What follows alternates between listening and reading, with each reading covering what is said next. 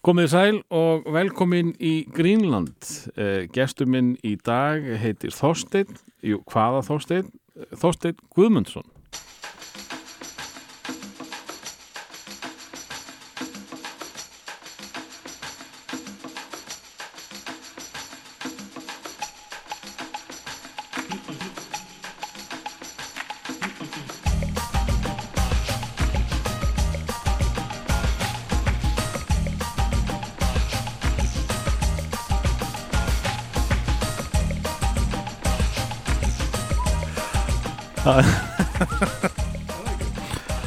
Hann er mikið að tjá sig. Eh, Þorsteinn, velkomin.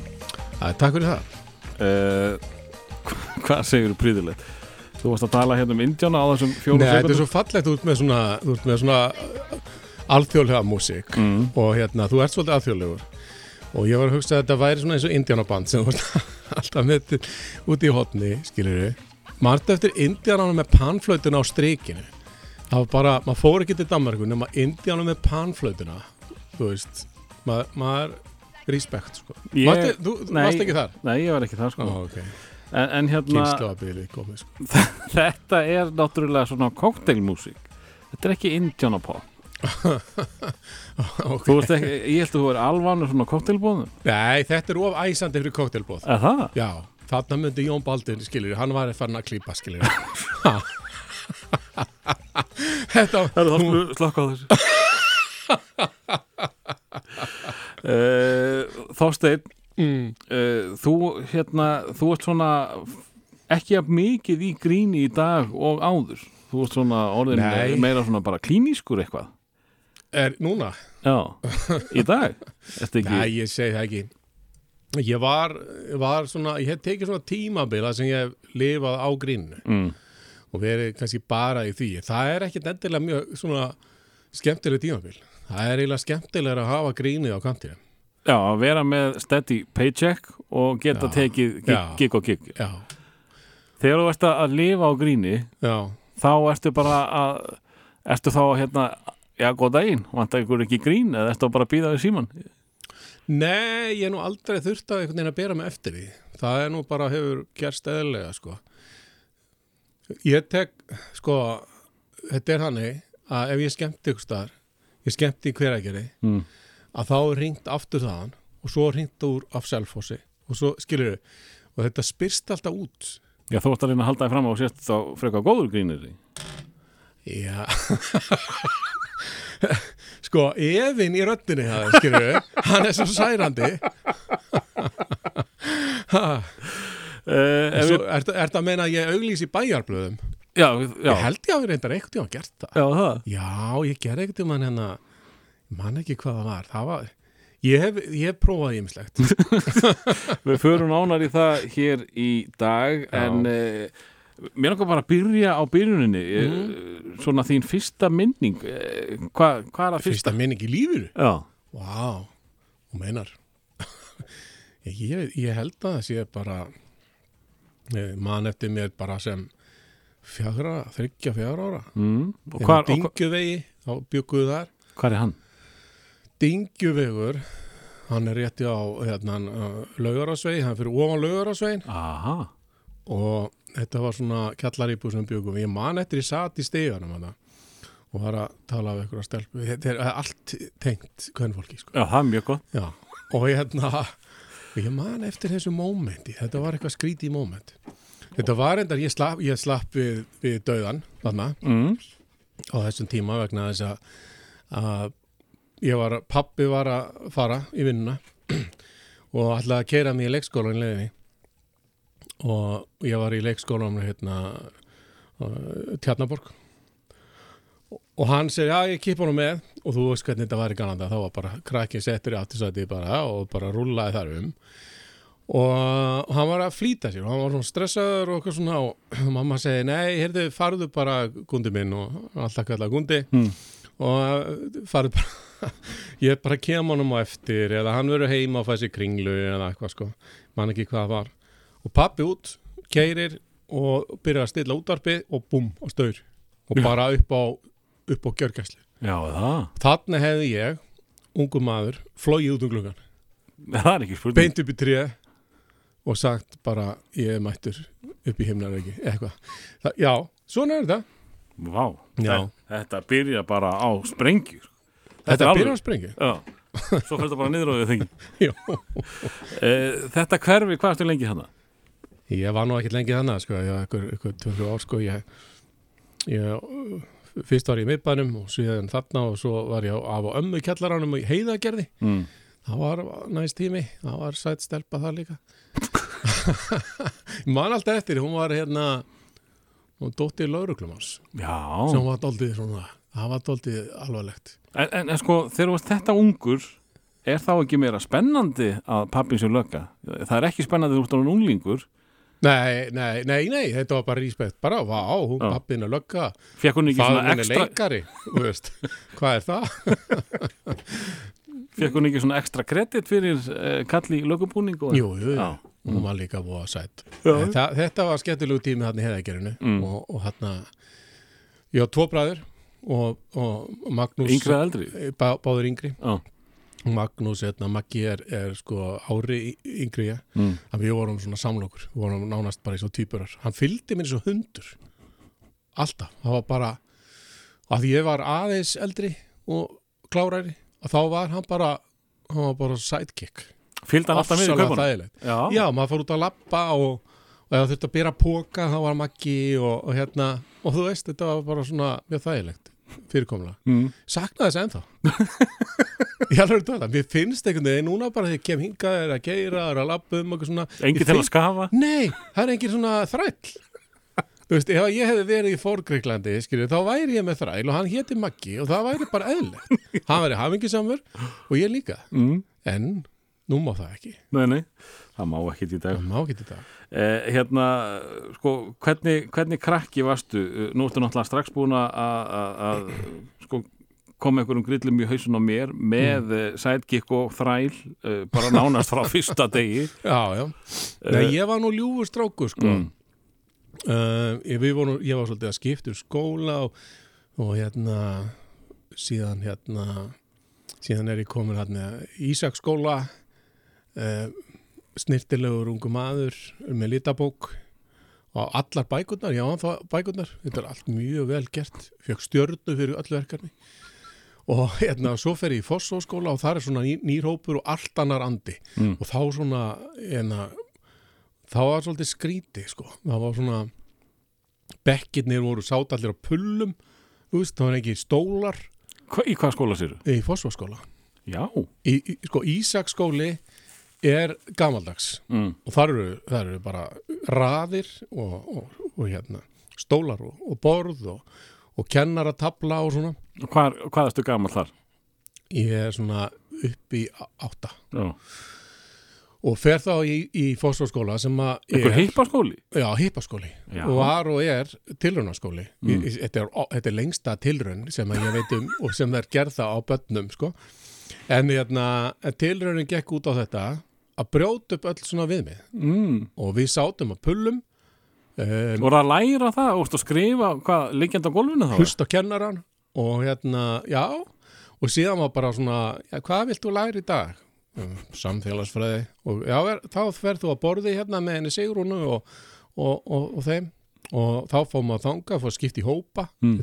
Ég held þetta sé svona ennþá Eh, mjög sérstætt Og maður valdi sér grein þann daginn já, já, En það varst bara alltaf í ykkur sem var skemmtileg áfjastu svona ábettingu já, viltu nú ekki taka smá viltu ekki skoða starfræðina eitthvað svona?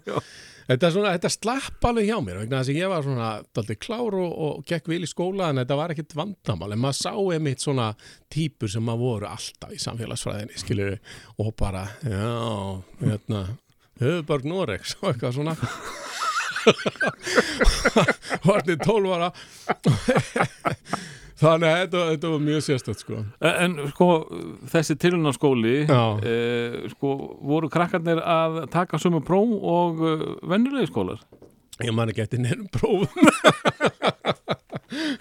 Já. Þetta var náttúrulega, hann var upp í hann var upp í 13 ára. Mm. og síðan kom gagfræðaskóli Já, sem var réttó sem var þrjú ár. Og hérna það var allt önnu típa. Mm. það var það var þú nú kannski lesið um það í bókunum hans Jóns. Við vorum í saman bekk.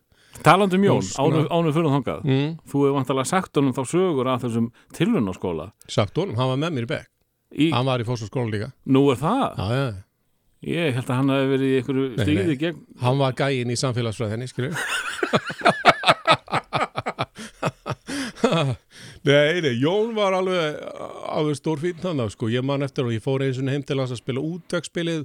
Ég fannst hann svona svolítið hann var svona pínu pínu ég veit ekki hvernig á að lýsa þurr svona manni en svona rólegur. Mm.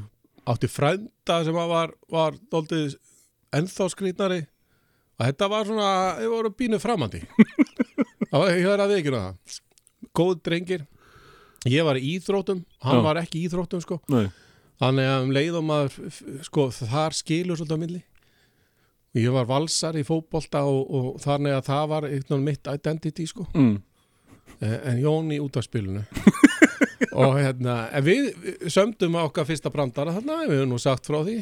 Já, við vorum eitthvað að tala um það í, í tuga já og, og eru þið búin að koma stæði hver, hver brandarinn er? Nei. Það var eitthvað með flugvelminu Það var ein hugmynd að við hefum sam, samið brandaran um manni sem kúkar í flugvél. Kúkurinn lendir í vasa prestsins sem að liftur honum upp og segir trúið á þetta. Það þóttu ykkur óendarlega að fyndi virkar enn í dag? Og virkar hann í dag. En ég, ég efast um það. Mm. við erum báðir með frekar valkvætt minni. Mm. þannig að það getur vel verið að skálda þessu í mann eins og það er að við sömdum brandara og við höfum bæ, báðir þá sög að segja að við heyrðum hann tilbaka frá öðrum. Já, ok. Á ég að segja það brandara, skiljur svona, ekki tengdur ykkar?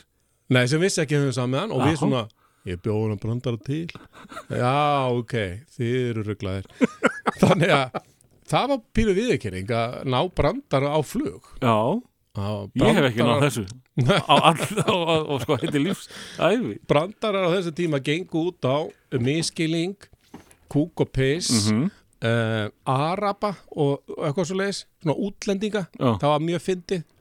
Og hérna rassískir þá eða? já mjög, Já. já, já, alveg í botn sko. Og svona, og náttúrulega klám. Já, Já þau voru komnið þangast næma já, Já. við kom, já, mjög Miða við snemma. bendingarna þínu ráða alls konar sögur um klám sem að byggðust á miskilingi já, já, það var svona ími og, og hérna og það, líffræðin var e- svolítið að veðjast fyrir okkur sko. þannig að við vorum svona að gíska hvernig þetta liti allt út og, og hvernig þetta virkaði og út úr því komum svona sögur og jafnvel tröllasögur Mm. sem fó, fældum að fram á og sagði, nei, þetta mun ég aldrei stunda sko.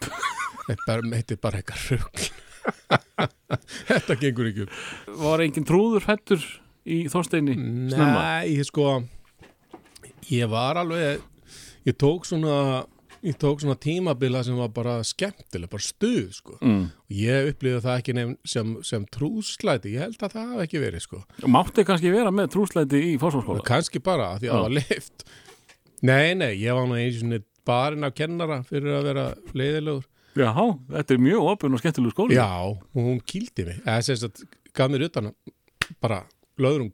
Já, og sagði við mig, Þorsteinn, það búið að vera frábært núna þessa vikuna sem þú varst veikur. Þannig að eitthvað hefði nú farið fyrir kallinu sko. Já, Tóma, já, 12 ára, 11 ára, 12 ára. Já, en- en þú- að því þú sagði rétt áðan þú hefur verið svo þægt og gott bann já, sko, ég hef valkvætt myndi ég, ég man þannig eftir mér Mm. uh, freka feimin alltaf með hérna uh, kvíða magapínukast og, og svona, en þú veist, það er ekki að marka, þú veist Voruð þið saman þú og Gnar í, í kvíðanum? Náðu þið saman ekki- í kvíða? Nei, við rættum það aldrei, sko Nei, Nei, guð Við- Kvíði, ég held að það ekki verið til þetta orð nei, sko. nei Það voru- bara með magapínu Rekkju sín voru til og, og eitthvað svoleiðis Við vorum, nei, við, það, við vorum ekkert, við skárum okkur ekkert úr hópnum sko. Nei. Nei, nei. Eh, Hvað, hérna, þú, hvenær byrjar að- sparki bolta?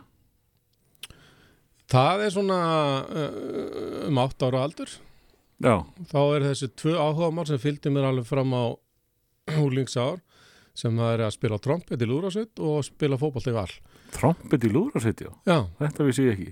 Nei, ég er endar að gera það enn Þú gerir það ennjó? á, spila í Stórsveit Íslar sem að reyndar ekki lúransætti svona næstu bara Já. en ég tók mig langa pásu frá því Mm. en á þessum tíma þá um, þá var ég að velta fyrir mér að fara í Víking en það var hverfisfélagi Mm. og það var einhvern veginn ég þekkti hvort þið er engar af því að ég var úr öðru hverfi og uh, frændi minn Hvað býrðu á þessum tíma? þarna er ég komin inn í Fossvók sko, Já, undraland já, já.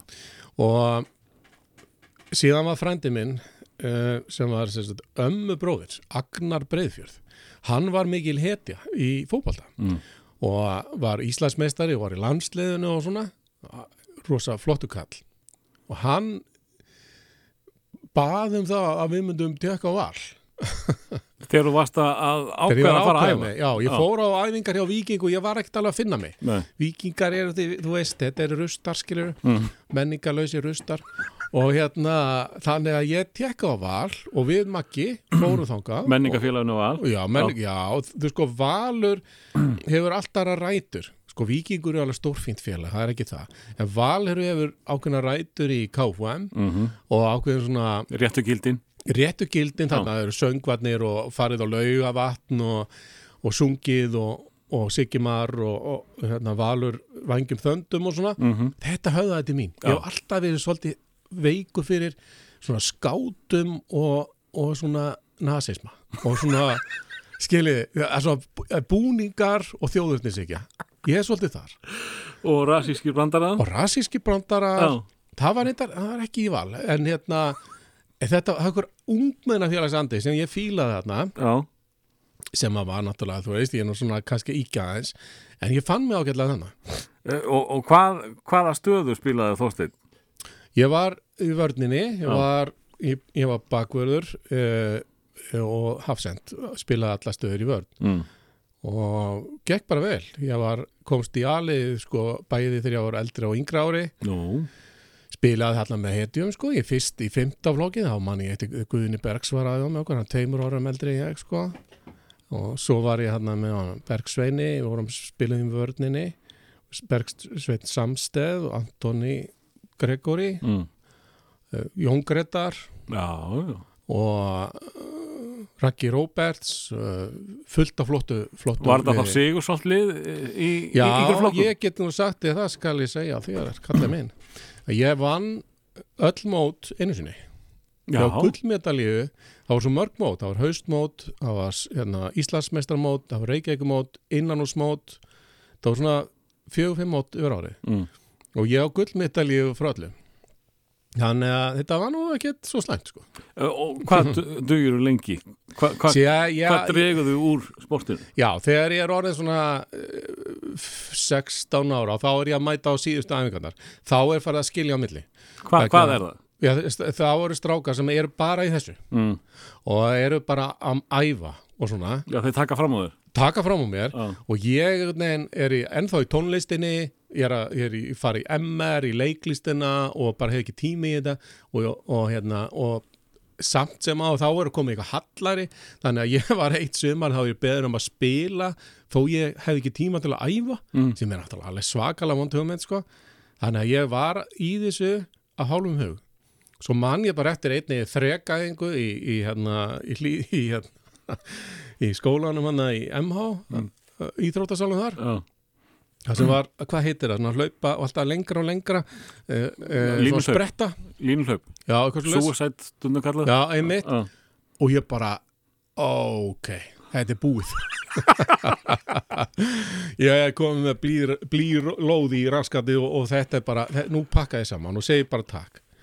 En þarna bara skild á milli og, hérna, og ég var búin að fá það út úr þessu sem ég ætlaði, mm. það var alltaf leið uh, Hefur eitthvað séð eftir því gennum tíðina að hafa gefið þetta frá þér miða við efnilegan dreng? Nei, nei, nei, nei, Nei. nei, nei, nei. Ég var bara hætti ágætum tíma, skilur, þetta var bara gott sport fyrir, fyrir, fyrir, fyrir batn og úrling og ég var ekkit, sko, fótboltinn, hérna, ég veit ekki hvort að fólk sér knaspunni alveg réttu ljósi, nú veit ég að þú gerir það, þú þekkir þetta vel, Eh, það, það er gríðarlega erfitt að vera vera í meistarflokksmaður skilur að spila fótbolta vera að vinna, samena þetta allt og þetta er lítið, Að spila fótbolta og eiga sér annar líf já, Já. í raun og öðru Mm. og ég var ekki tilbúin til þess, ég hafði Nei. engan áhuga á því og, og ég var heldur ekki það góður skilur Mm. ég man eftir, hins vegar þegar ég var svona 12 ára já, já, segjum 12-13 ára þá var Guðni sem var tveimur árum eldri en ég hann var komin í annan flokk. Mm. og ég fylgdist með honum það sem hann mætti aukaæfingar. Byrja að hlaupa upp og niður brekkuna hérna í valseimilinu, taka spretti og, allt í, og sko Guðni alltaf flottur hann bara búm, verður bara þú veist æðislegur. Mm. og þetta er það sem þarf. Það þarf eitthvað sko ég er ekkit þú að hrifin af því að vera lullari. Nei, og þú veist, ég held að ég hefði aldrei náð þessu eins og Guðni ég Mm. var ekki með hæfileikana hans en ég sá hvað menn leggja ógæslega mikið á sig Til þess að ná einhverjum já, að þér til að vera á þessum st stað sko. nákvæmlega þannig að bara En er, er, er eftir í þér einhver bolti, erst þú að horfa fótbolta eða já, ég horfið svona með strákana mínum og, og, og svo leiðis að ég hef ekkit ég fylgist ekkit mikið með því sko. ég, Mm. Alltaf bara frá því ég var í boltanum sjálfur þá hafði ég miklu meira gaman að ég spila en horfa sko. mm -hmm, bara eins og í kynlífi. Förum aftur í, í, í ungan Þorstein. Já, já. Eh, Hvað hérna hvernig voru krakkar að leika sér í fórsvegi fyrir utan fótbolta? Fyrir utan fótbolta, það var nú, það var nú bara mikið fótbolti. Já, við vorum með alls konar skemmtum, við vorum með ég stopnaði leinifélag það var mjög skemmtilega við fengum svona það fengi allir að senda kompu frá búnaðamanganum, ég veit hvort að þú trúlega ekki náði nei, kompa var svona lítil bók með dulkóðunar eitthvað svona hérna leini orðum eitthvað svona til þess að skrifa. Og, og maður gætt lært hérna að morsa. Mm. bip bip bip bip bip bip bip bip bip nú er ég að senda S, eh, hérna SOS um, og við ákvaðum það að þetta væri ástæði til þess að, stopna leinafélag uh, við fengum okkur smásjó til þess að rannsaka fingraför og hérna fingraför og, og, og, og komum okkur fyrir stopnum þetta í kjallaranum. Mm. Svo mann ég geti neitt starfsinn Ég ætla einmitt að spurja hvað gerir Nei, leinifélag við gerum ekki, við erum bara, við býðum Já. við erum alveg tilbúinu til að hoppa alveg inn í þjóðfélagi, hvenær sem er leinifélagi í kjallaranum. Svo stopnaður þetta fótboltafélagi í Fossvogi, vinnirnir. Fórum kiptum bóli og getur login þetta félag. Og við byggðum kofa. Við vorum mjög duglegi við að ræna byggingasvæði þegar við, við pæltum aldrei í því að við varum að stela þetta var bara, það voru bygginga, það var verið að byggja hús mm. það voru timpur í svona stöplum og okkar vegna hefði geta verið hægt að setja miða á þetta gjöru svo vel, hérna, takið þetta sæið þetta niður í kofa okkur er skýt sama og hérna það voru skilabóðan sem við sáum Já. þannig að við hýrtum allt sem við sáum og byggðum kofa, tveggja, þryggja hæða kofa með gapastokk og, og hérna varturni og svona, þetta var alveg pínuðu crazy sko. Veitu, þetta, er, þetta er álur metnaður já, þetta var Ég metnaður, náði sko. ekki að klambra saman uh, hérna, kofa með mínu vinnum Það mesta Ég sem við náðum að smíða var að, hérna, gera sverð, við vorum mikið að skilmast Já, einmitt. Ég átti líka svolítið eh, eldri vini.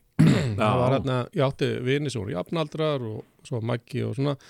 En svo um, kynntist ég hérna uh, Líð Átnaðsinni sem er læknir í dag. mm. Hann bjóði guttur fyrir neðan. Hann er eitthvað fimm árum eldri en ég held ég. Fimm árum Já, hann er pínu perri. Og hérna... og einhvern veginn, já, náðum við saman. Að við gerum þetta, Á hvaða árum eru þetta? Hvað ertu gammal þegar þú unglingur svolítið. Svona, já, upp úr kannski, upp úr 11-12 ára, sko. Þá byrjuðum við Það að- var hann 16-17 ára Já, hann er mjög skrítin og hérna, og ekki nóg með það hann kemst að því að ég spila trompet. Mm. og ég spila reyndar á gítar hans líka. Þannig hann verður rosa spenntur fyrir þessu. Hann fer að læra á píano og gítar. Og við sátum í kjallanum í honum og sungum inn öll bítlalögin. Og eigum þetta á kassetti sko. hann var Lennon, ég var Paul og, og bara Bungle og Bill og allt sko en svo voru bara menn að leika sér saman. Þetta var ekki, það var ekki að spá mikið í þetta sko. Mm. þetta bara hverfir, þú veist. Þetta var meira bara hérna, gatan var ma- saman. Já, einmitt. Uh, Undraland, Vogaland við vorum þar, sem voru blokkararnir sem voru í svona fjölbýlishúsum. Alltaf kallað blokkararnir. Var lítið niður á þá? af okkur, já, Já, já, ekki þeim skilur. og við vorum, við vorum full, já, fullir af rasisma og, og hérna og roka. Svo var hérna uh, blesugróin og stjörnugróin þar voru fátaki krakkar já. og þeir heldur sér svolítið saman.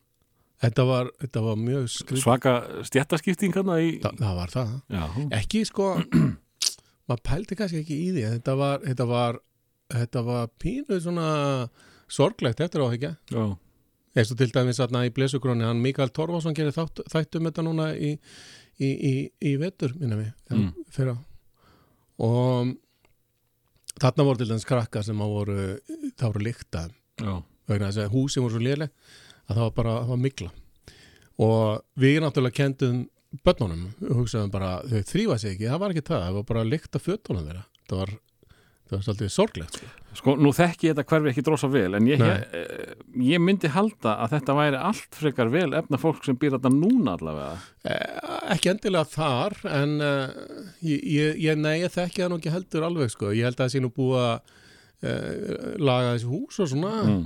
ég ætla nú að vona það. Ég ætla að þetta vona sig ekki mikla þarna 50 ára síðan. Nei, nei, einmitt.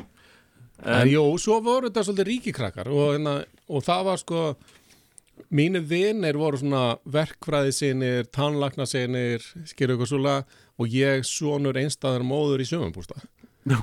að í göttun okkar það var elsta húsi, var mitt hús og það var gammal sjöfumbústaður Já, það? Já, Frá því að þetta var sögumbústar og síðan kom hverfi í kringum hann? Já, já, Já. þetta var hérna sjöfumbústa sem að Kristján Siggersson húsgagnasmiður reisti og e, þegar maður kerir nýra vikingseimilinu Mm. var þetta fyrsta gatan til vinstri.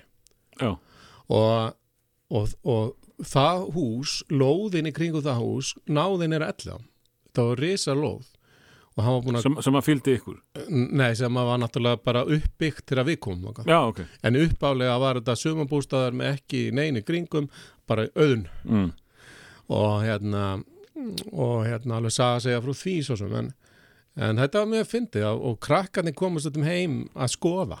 Manstu þetta svona þetta var svona hippa heimili Já, svolítið spes og og mamma var búið að vinsa hún bakaði mikið svona súkulagkökur ég man eftir einu sinni að hún mjög niðurlegandi þá kom strákur heim og eða svona krakkar.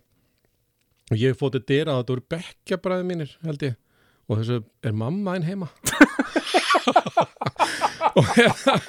þú veist þannig að eh, þú veist þetta, þetta var pínu, pínu komplexur sko. en þetta var, þetta var gaman þetta var svona, var pínu ævintýri sko. já þú talar um makka bróður mm.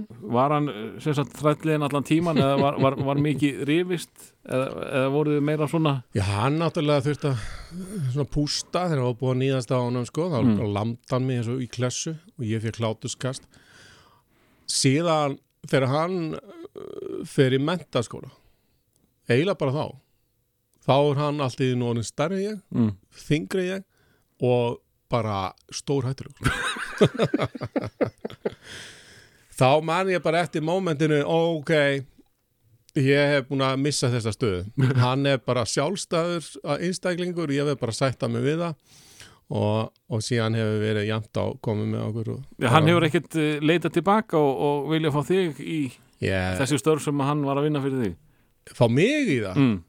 nei, Þú heldur að þá virðingu að aldursins vegna ég varst um ég hafi nokkra virðingu en hérna ég held ég sé algjörlega gagslaus í, í svona stöf sko. Já, þetta var slagur, þetta var líkalegu slagur sko. mm. og ég man eftir man eftir, hann, hann hjælt mér kirkingataki hérna hvar eru gamlir hann? einn í stofu, þú getur ímyndar um ekki að mamma sitta uppi með þess að drengi 16, 15, 16 ára slást bara eins og sko bara Gunnar Nelson, skilur við og, og hann var að ég var að líð út af og ég hugsaði ok ég leiði honum að vinna eins og annarlega nei, ég nú segi ég stopp. Og hann hann búin að ráðast á mig frá því ég var lítill sko.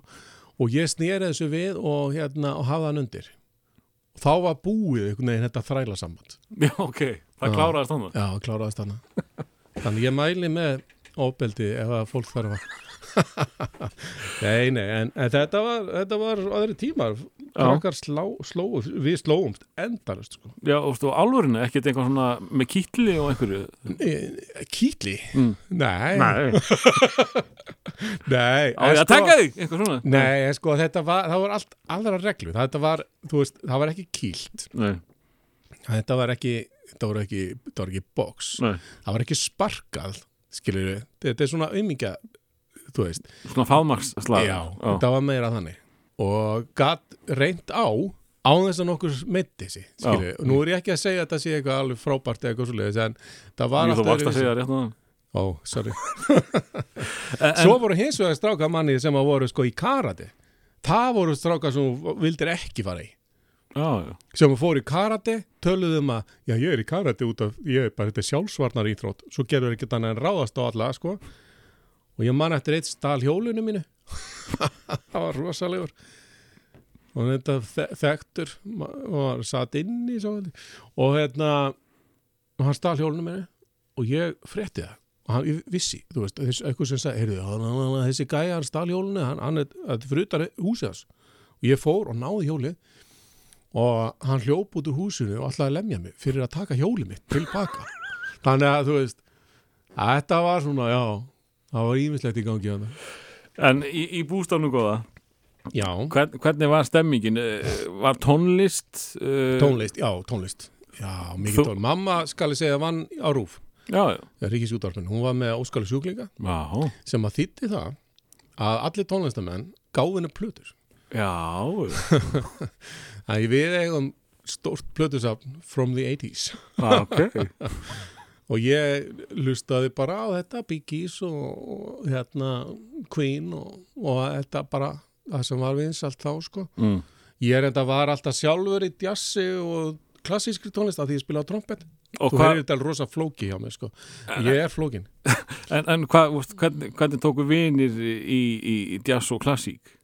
ég minnist þess ekki að þeir hafi lustað á það með mér ég lustaði bara á það eitt sko Já. En mannst eftir einhverju sérstökur lægi svona meðan þú varst barn áðurum við kemum já, okkur lengra ég, inn í... Já, ég mann eftir einu lægi sem að mér mannst bara að vera svona þegar ég er úrlingur mm. þá kemur, kemur Jasú oh. og það bara hérna, þetta er eitthvað alveg nýtt. Sem, hvað hér lægið þeirra? Don't go. Já, og þá hugsaði bara ok, þarna koma einhver ný, ný tegund á tónlist. Og þetta er einhverju þessi hann með Yasu og Jean Marcel Sjáðar og þeir það verður, alveg svona skipti í tónlist og ég nefnilega og ég, hef alltaf verið pínlítið hrifnari af svona poppi mm. heldur en svona gítarrungi Já, ertu tölvupoppari? þú veist, ég segi það ekki ég bara hef gamar góðu poppi gott pop, vel pródusérað það er miklu meiri músík í því heldur en Bruce Springsteen skilur bram, bram, bram, bram, bram, bram, bram þú veist, sem að er einhvern veginn bara já, það er svona ellimanna pop Mm Og ekki vilju vera gamli. Aldrei. Herðu, heyrum eh, eigum þá að segja þetta sé unglingalag skástrík barnalag eða?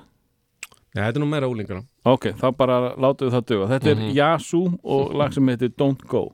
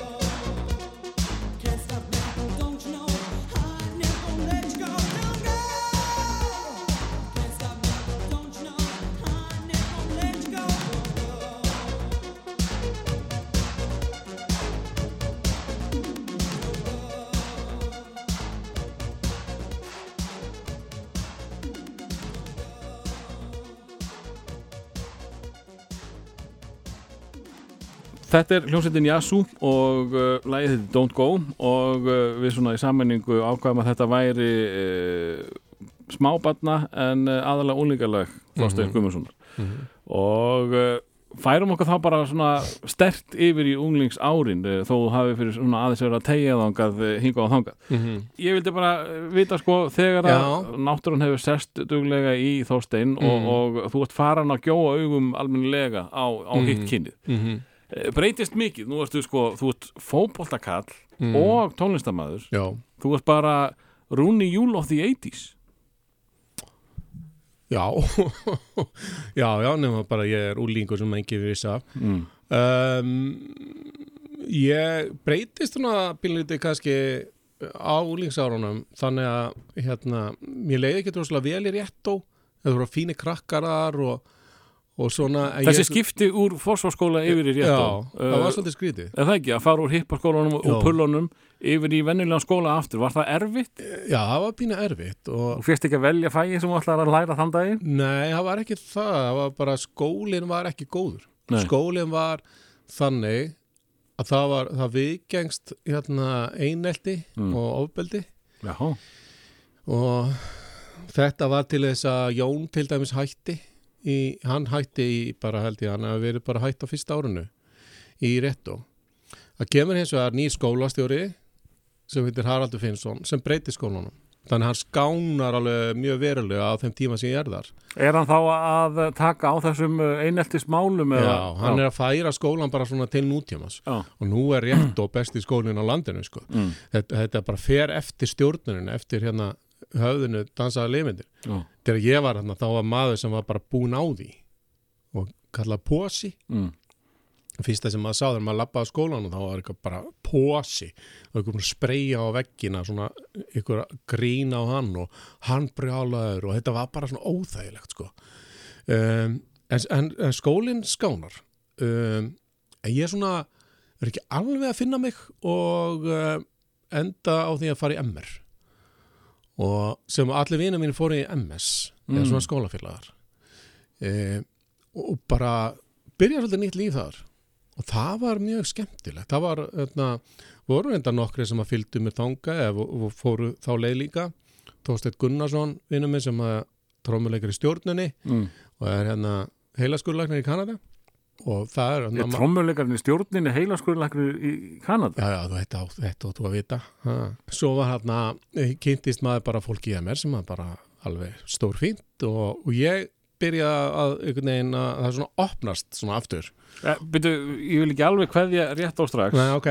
Uh, Ertu bara, sko Þú ert náttúrulega betri í skóla Þú átt auðvitað með að læra heldur en Jón af því svona, þú aðeins fylgir Jóni í, í, í þessu ferðalagi okkar hér uh, Hann hættir Já, hann Og, hættir, ég það hef ekki- ekkert á hann að segja bara fyrir ég hitt hann á fullorðinsaldri sko. Já, það var bara þessi eina uh, heimsókn í útispilu og búið eitthvað Nei, það var í fórsvæðiskóla ég þekkti hann sem barn mm. þekkti hann hann þetta halva ári í réttó síðan bara fór hann og við heldum bara að hann var í döður eða eitthvað sko, vegna þess að Þannig að þið voruð, þið voruð ekkit bestu félagar Þú varst ekkit að missa Nei, Nei, við, ok. nei, það var ekki beinleins þannig Nei. Við vorum alveg ágættis vinnir en, en ekki, ég vorum ekki trúnaða vinnir þannig á þessum tíma hann hann var svona í öðrum pælingum hann var mjög hrifin af pönki Mm. ég, það höfði ekki til mín sko, fólk hefur svona svolítið skrýtna, skrýtna sín á pönki Mm. pönki var bara, þú veist, einn eða tveir í hverjum skóla þetta var ekkit Já. svona stórt dæmi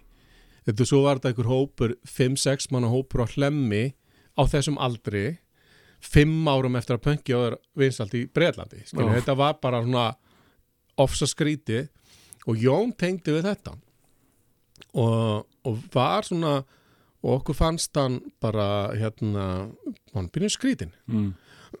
sem hann er og þarna, þarna, þarna missi ég af honum sko.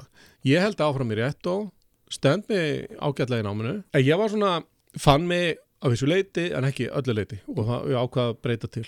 Og uh, eina sem ég gerði merkilegt í svona félagslífinni í, í rétt og var að, að ég og Aðarsteinn Leifsson sem að er hérna, fítminu minn og er uh, í, í Brussel í dag, hátt setjum maður við fórum til skólastjórnans og fengum fjárhæð til þess að kaupa skáktölur, nei skák svona klukkur. Já, já, og það var okkar framlega að stopna skáklúb þannig að þú sér að ég er kannski komin í pínu svona öngstræti, fannast tefla í skáklúb í Reykjavíkur, það sem er núna sem er núna hérna sá staði sem að lauruglan gerir innrás í að leita fíknefnum í taplmönnum, það var nú engin fíknefni þar þá nei, nei, nei En þarna mættu við stöndum og þetta, ég var svona nördast svolítið mikið upp sko. Varstu þá ekki að fara í, í þetta hefðbundna félagslíf, opin hús, diskotek eða eitthvað svoleiðis? Var lítið sko. Já, Mér fannst það bara frekar óþægilegt sko. en þú varst samt hrifin á, á, á stúlkonum? Já, þeir eru nú hrifnastir af stúlkonum sem hafa hegst um sig sko. Ég var nú bara svona alltaf með einhvern lista í hausnum hver er sætust og alls konar sko. og sko saglegust þeirri. En þú talar alltaf um að það var skipt um skóla yfir, í- yfir í MR Já, af því að það voru mjög fáið sem fór í MR úr réttu. Flesti fór í MS. En, en e, rétt og er samt bara grunnskóli og þú hefur alltaf Mhm. þurft að, að skipta um skóla eða ætlar að vera í framhaldsnámi eða ekki Jú, en, en eðliðasta leiðin hefði verið að fara í MS. ok Uh, MS, MH, þetta er Mm. svona hverfið, en við fórum hann nokkur í MR. En uh, varstu þá ekki búin að undirbúa þig vel að ská, hérna, tefla mikið og, og, og nörda þig svolítið upp og er, Jú, er ekki jú. MR svolítið svona Jú, nörda? ég, ég byrjaði sem bara mjög góða námsmaður síðan tók bara hérna, gleðin völdin Mm. og fó, þar fór ég í félagslífið fyrsta árið mitt var ég beðan um að spila trompet í Herranót í Oklahoma söngleiknum. Mm. og eftir það var ég alltaf í Herranót í leiklistinni. Og ég var svona mjög tengdur félagsleginu þar og var miklu meira svona og ég svona opnaðist svolítið þar. Þannig að fyrsta árið varstu bara nefandi og uh, síðan uh, opnust einhverja gáttir eftir þú blest í lúðurinn Já, fyrst var ég fengið bara í hljómsveitina og þá var ég að spila, þá var ég komin svolítið langt á trompetin, var að Mm. spila í FIH, ég var komin í nefnd og kennarabandi þar Nú, nú. og var hjá honum Áskeri Stengrimsinni sem er núna okkar fremsti trompetleikari, er, var að hætta reynda sem fyrsti trompet í symfóniðinu og opaslega flottu kennari. Og ég er að velta því fyrir mér að fara út í tónlistina bara, Já, og, og bara uh, verða aldunum maður á trompet? Já, Já, og langaði það svolítið. Um, er að spila svona í blásárasveitum uh, og, og eitthvað svona í svona symfóniuljósett unlinga skilur mm. og svoleiðis, ég man ekki hvað það hétt fannst það svona ekkit rosa spennandi um, það sem vantaði fannst mér á þessum tíma var bara meiri jazz og pop og þú veist, það vantar Ég- örþmyndin fægir á Ísland já, nákvæmlega mm. Já, ég hlustaði mikið bara á Miles Davis og allt þetta skilur og hérna ef að það hefði verið ef að til dæmis FIH hefði komið svolítið lengra að núna er ferð í FIH og þú ferð í bönd þú Mm. spilar í jazzböndum og ert að spila í samspili og svona þá hefði ég örgulega heillast að því sko en ég gæti ekki hugsað mér að vera klassísku trompetleikari og ég sé ekkert eftir því vegna þess að það er rosalega er- erfitt ásaki. Það er aldrei eins og að vera fimmleika maður Mm.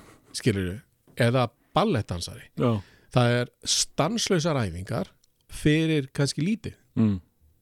Það er óbáslega mikið sem að klassískir hljóðfærarleikar leggja á sig Fyrir lítið oft fyrir lítið já. já. Þína pælingar um að verða tónlistamæður. Þitt hljóðfæri er trompet Já. uh, Þú ert ekki að fara að gefa út mjög margar plutur hérna á Íslandi trompet soloplötur Já, nei það er nú það og hérna þess vegna uh, dó þessi draumur Mm. fyrir leiklistinni ok, og hvernig náði hún yfir? Þú byrjar í herranótt sem trompetleikari já, Þú ert ekkert að leika eða hvað? Nei, ekki Nei. fyrsti, ekki fyrsta hérna, skipti og svo, svo fer ég, svo byrja ég að fæ séns mæti þarna í, í fjórðabæk sem er sérst annabekkurinn Mm. og þá mæti ég í, í herranót með Degi Gunnarsinni vinnu mínum og við svona og ég var að prófa að leika. Ég vissi ekkert hvort ég geti geti leikin eitt ég reyndar er báði fúraldari mínu leikarar og allt það. Og þá þá er hann að Þórildur Þorlustóttir það er verið að semja nýtt verk sem hérna, Sigur Pálsson semur verk fyrir MR og Þórildur bara fekk ykkur að trúa mér. Setti mig í nokkur hlutverk lekaði einhverja gamla kalla einhverja skólastjóra og, og ungan svona ég man eftir ég leik svona uh, svona fyndnagaðin í bekknum þú veist, 1850 eða eitthvað skilur Og hvernig var fyndningaðurinn í bekknum þá? hann var bara klaufalegur skilur, astnælegur og svona dattarassin eitthvað skilur og hérna og þetta bara gerir sig og einhvern veginn bara og ég fæ bara svona, vá, ég bara ég get þetta og, og ég fekk svona þetta kikk sem að leikar að fá þegar, að- þegar þeir hafa vald, valdið við salnum mm. og, og þetta þetta bara þetta var alveg nýtt tilfinning sko mm. Þín fyrstu skref í leiklistinni er sem sagt drama Já, já, já, nei, fyrir, já, sko, þetta var alltaf smá grín, þetta var hann eins og, já, já, gríni var alveg, alveg kom fljótt og það var upp úr þessu þegar ég er í herranótt og verð svona pínulitið, þú veist, svona stein í herranótt Mm. þá er ég fenginn til þess að vera kannski kynnir á skólaskemmtunum með grín og Já, það ok. er veru mitt fyrsta uppistand það er bara, þá er ég ég manast einu sinni þá þá let ég vinn minn, að vinn minn sem var ljósmyndari hann tók mynd að kennurunum og, svoleiðis, og við byggum því svona slideshow þar sem ég gerir grín að þeim með, þú veist, einhverjum texta og þetta var raun og veru bara uppistand mm. sem að var ekki, það var ekki til orði yfir uppistand á þessum tíma Nei. þannig að grínið var alveg mjög nálagt Var það vesinn eða var það, Nei, varstu með þetta skrifað eða var þetta bara upp á sviði? já, þetta voru alveg hugmyndir og skrifa eitthvað sko Já. Ég fann það, þarna var ég orðin svolítið kokki, skilju. Mm. Þarna var ég fann að segja einhverja, þú veist, fann að fíla mig Mm. og, og þetta bara lá ágætlega fyrir mér að vera á sviði og þó svo að námið færi að gjalda þess að, þess að það var allt í lag, ég náði að útskrifast. Á, á mínu sí, síðasta ári MR, þegar ég er að taka stúdenspróf, þá hugsaði ég bara, hérna, ok, ég ætla að sækja um leikstaskólan. Ef ég kennst ekki í hann, þá fyrir ég lögfræðina. Og hérna, það var ákveðin í því, bara mjög ondhugmynd. En hérna, síðan fer ég, er ég fengið til að vera í síningu upp í Hallgrímskirkju og Guðrún Ásmúnsdötur, hann bara lék þar hlutverk sko, ég held ég að meira sér að fengi borga. Og er ennþá, ennþá í MR fer í inntökuprófið í leiklistaskólanum kemst inn Mm. á eftir að taka öll stúdensprófið þú getur ímyndað að ég var ekkert mikið að lesa þá. Ég, en samt, þú veist, ég, ég drullast ekki ég, ég náði. Mm. Með þriðju einhvern eða eitthvað svo leiðis Já. en mér var alveg nákvæmlega sama vegna að ég hugsaði ég á aldrei eftir að nota stúdensprófið en komst bara bim, inn í leiklistaskólan tvítugur. Ég held að það veri yfir 100 mann sem sótt um sko. Mm. svo sikta úr og 60 manna hópur og 30 manna hópur og 16 manna hópur og svo 8 Það eru átta sem að fóru inn. Það var þá, Já. ég held að það sé 10 í bekt í dag Þú hefur Nei. ekkert uh, vilja það var ekki grín í þessum prófið sko Nei. ég komst ekki inn fyrir grín skilur Og, og var ekki svo lítið niður á grín Jó, svona, það var náttúrulega fór bara eftir kennurum og sögum við gerðu það jú mm. og ég, ég var, þetta var þetta voru skrýðin tími það var uh, fjögur ár í leikastöðunum, það er þrjú ár núna og þetta var svona það var alveg gaman eh, og þetta var mjög augrandi að vera með þessum hópi fjögur ár bara allan daginn, alltaf sko. Og um, pínu erfitt.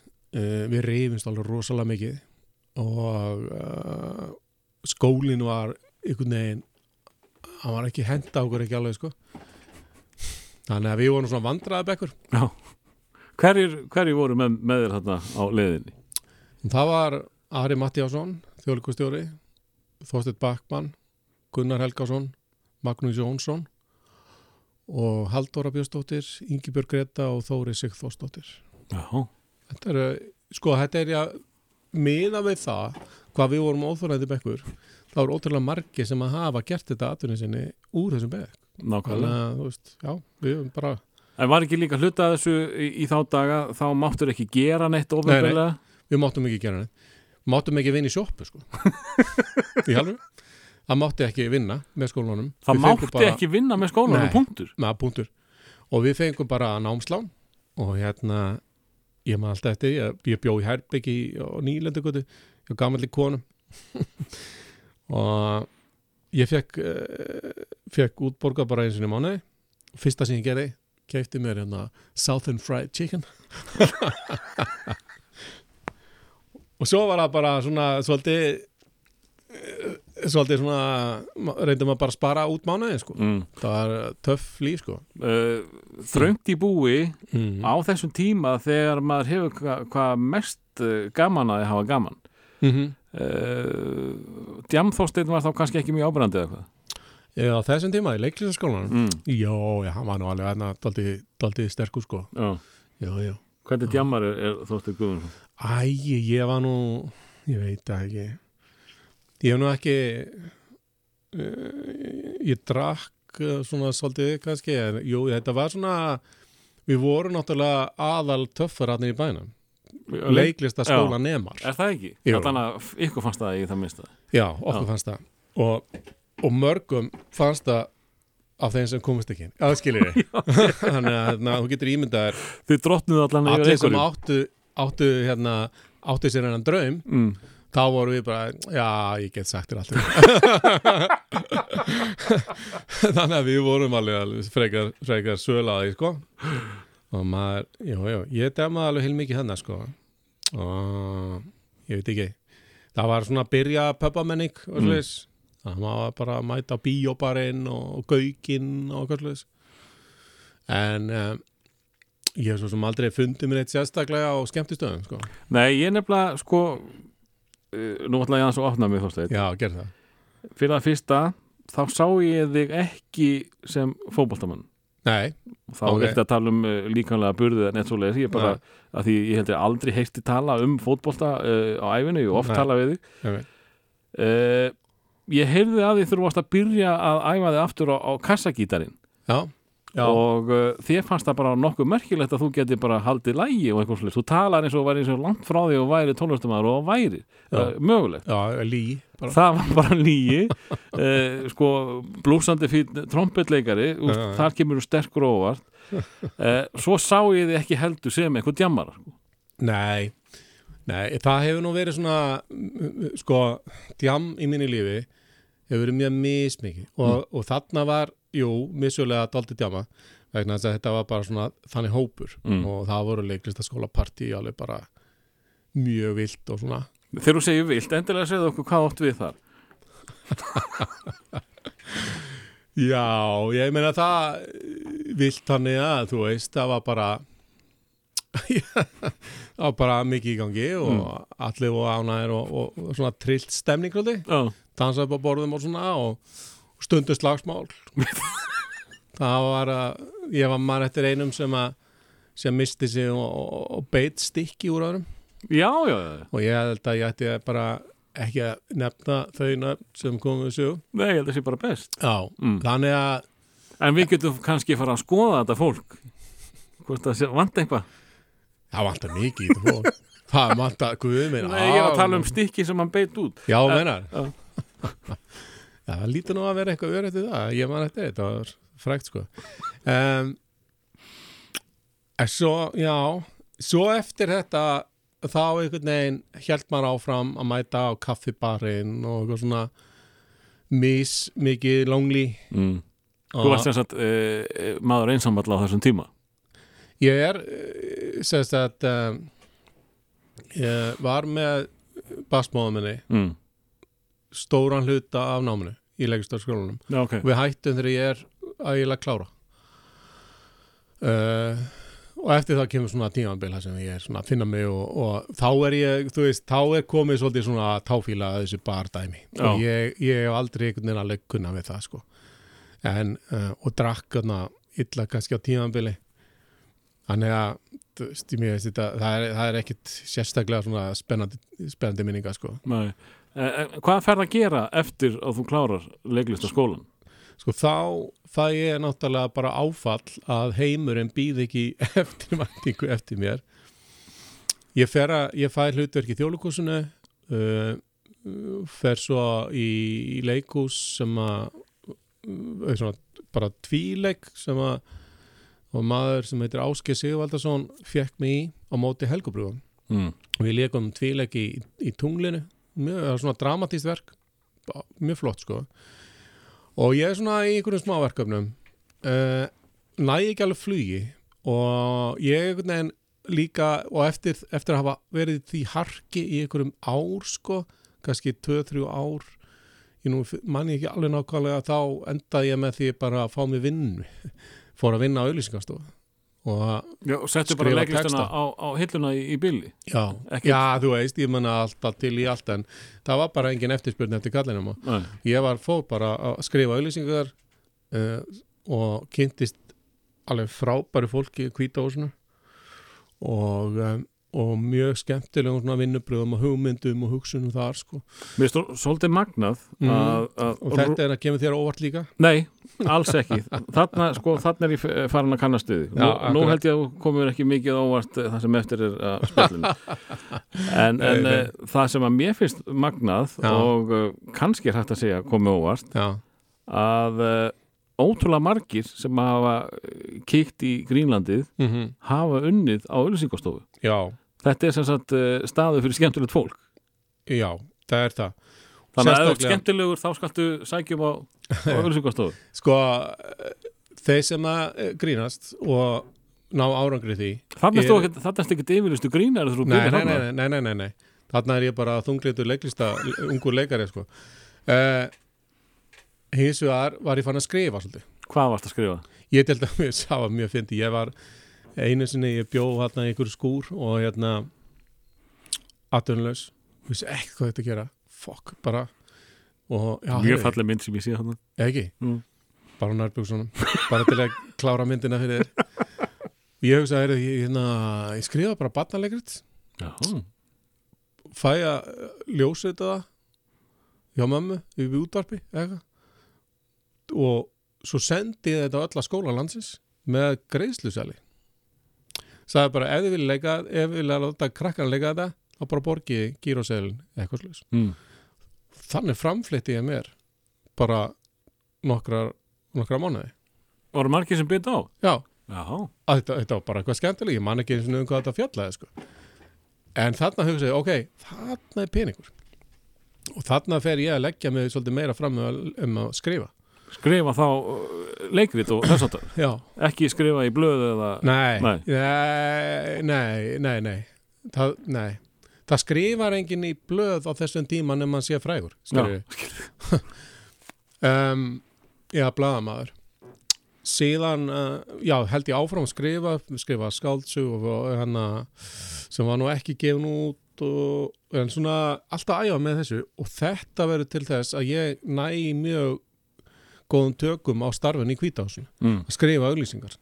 Ertu þá að semja þær frá grunni eða ertu bara að skrifa niður sem sagt uh, handritið af, bæði sko. Já, það var ekki, jú, það var svona nokkrar sjónvasölinsingar en þetta var aðalega tjallið sem var í kvításinu ég vann mikið með Sverri Bjössinni sem var hön, hönnunastjóri mm.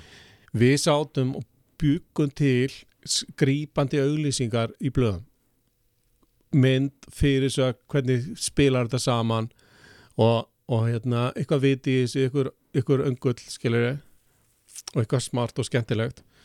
Uh, þetta var rosalega góðu skóli. Manstu eftir einhverjum önglum sem að við höfum reikið augun, í? Já, já, þetta þú veist, ég man eftir eins og þegar ég var í sund í háttegin þá fekk ég hugmyndin að skýra bankabók uppleið í Íslandsbanka. Ég var, eh, hérna þú veist, það var bara svona ah, sniðu, skilur þetta var svona moment, skilur. Ég skrifaði saman fyrir landsínar bækling eh, eða svona átti þátt í því. Eh, og hérna hvað, það var hérna einu svona kreditkort. Bjóð til eitthvað átti að gera úlingauðlýsingu mm. Fyrir kreditkort og skrifa þú þarnast þess. Þeir eru svo hrifnir að þess að þeir notu þetta í allar auðlýsingar þetta þetta fyrir fullan af fólk. Þú þarnast þess. Og svo setna bjóð ég til eins og fyrir Nova stæsti skemmtiðsæður í heimi. Það er þín línaða og, og eitthvað svona. Mm. og þetta er daldið vand að gera. Já. og, en, en þa- En eftir þetta hljóma samt eins og þetta sé ekkert mál Stærsti Já. skemmtastæður í heimi Já, Já. góð hugmynd, ég alveg geta fundið þetta sjálfur Eitthvað svona Já, þetta meikar enga sens Nei. reynda var alltaf hugmyndin hjá okkur með stæsti skemmtistæður í heimi var að þú ert með síma og þú getur farið á neti Mm. þar, þar með ertu tengdur öllum í heiminum Nó. og þetta fattaði fólk ekki að það var eiginlega tók mörg ár eftir að Nova kemur nú er ég komin svolítið leng, lengra Mhm. fram í tíman eftir að Nova kemur að fólk fattar að að fara á neti í símanum. Það var bara ég man eftir að Líf sem að styrði Nova á þessum tíma hún kom einu svona og var með fyrirlestur í háskólanum það getur rosalega langt síðan. Og þá var hann að tala um neti í síman og svona, þá segir einhvern prófessor hvenær áttu vonaði að þetta verði þá þetta var frá upphafi Nova að þá voru við að kynna þetta Já. þá gæti verið á netinu Mm. að því að þú veist, árin áður fyrir það þá var bara SMS og eitthvað Einmitt. og við nokk bara nokkuð sátt með það á, á sínum tíma Nákvæmlega. Þarna var ég búin að vera skrimta í nokkur ár í bara hálgjörum skúr sem var fortbókabúðin sinni og ég breyti í heimili Eða svona. Og það var alveg mjög svona þetta, þú veist, ég var í bara komin í bara, þú veist föt úr búningasafnin og eitthvað svona bókstallega allt einu fatta ég það þegar ég er búin að vera í nokkur nokkur ár eða mánu í kvita og svona ég bara, heyrði, ég á bara pening. Og hérna það var alveg bara ótrúlega tilfinning. Já, að bara eiga eiga bara geta keift sér eitthvað og bara já, byrju ég get keift mér sófa og eitthvað bara á þess að hafa þú veist að sníkja eða eitthvað. Og enda með því að ég kaupi, kaupi mér íbúð í, á berstæðastrættinu og það, þú veist, það var rosalega svona skilurðu. einmitt.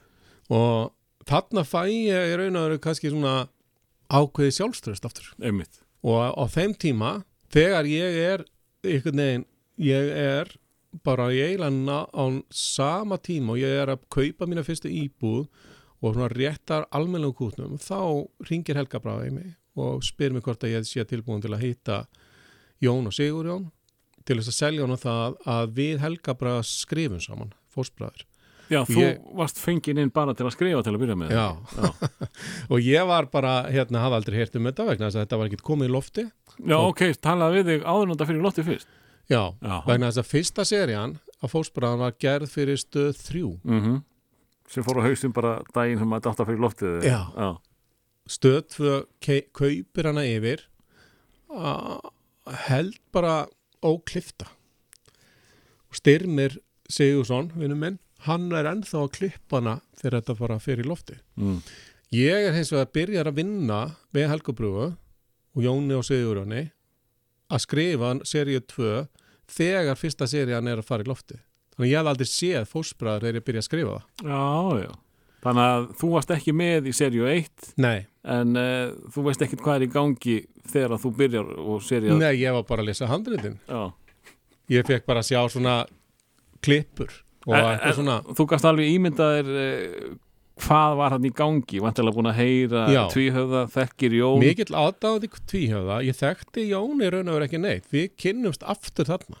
Já, þarna er, verðum við mjög bara góði vinir það er ekkert, er ekkert það, það er rétt og, og svo bara 15 ára síðan Já, og ég bara, what the fuck, hann er, hann er á lífi. Já, það er þannig. Ég held að hann- væri döð ég hafði búið að ganga sagum hann að hann væri döður, hann drepist í svíþjóði eitulum og eitthvað svolítið sko. Sem er bara, þú veist, hann var ekkit eitulum en held ekki.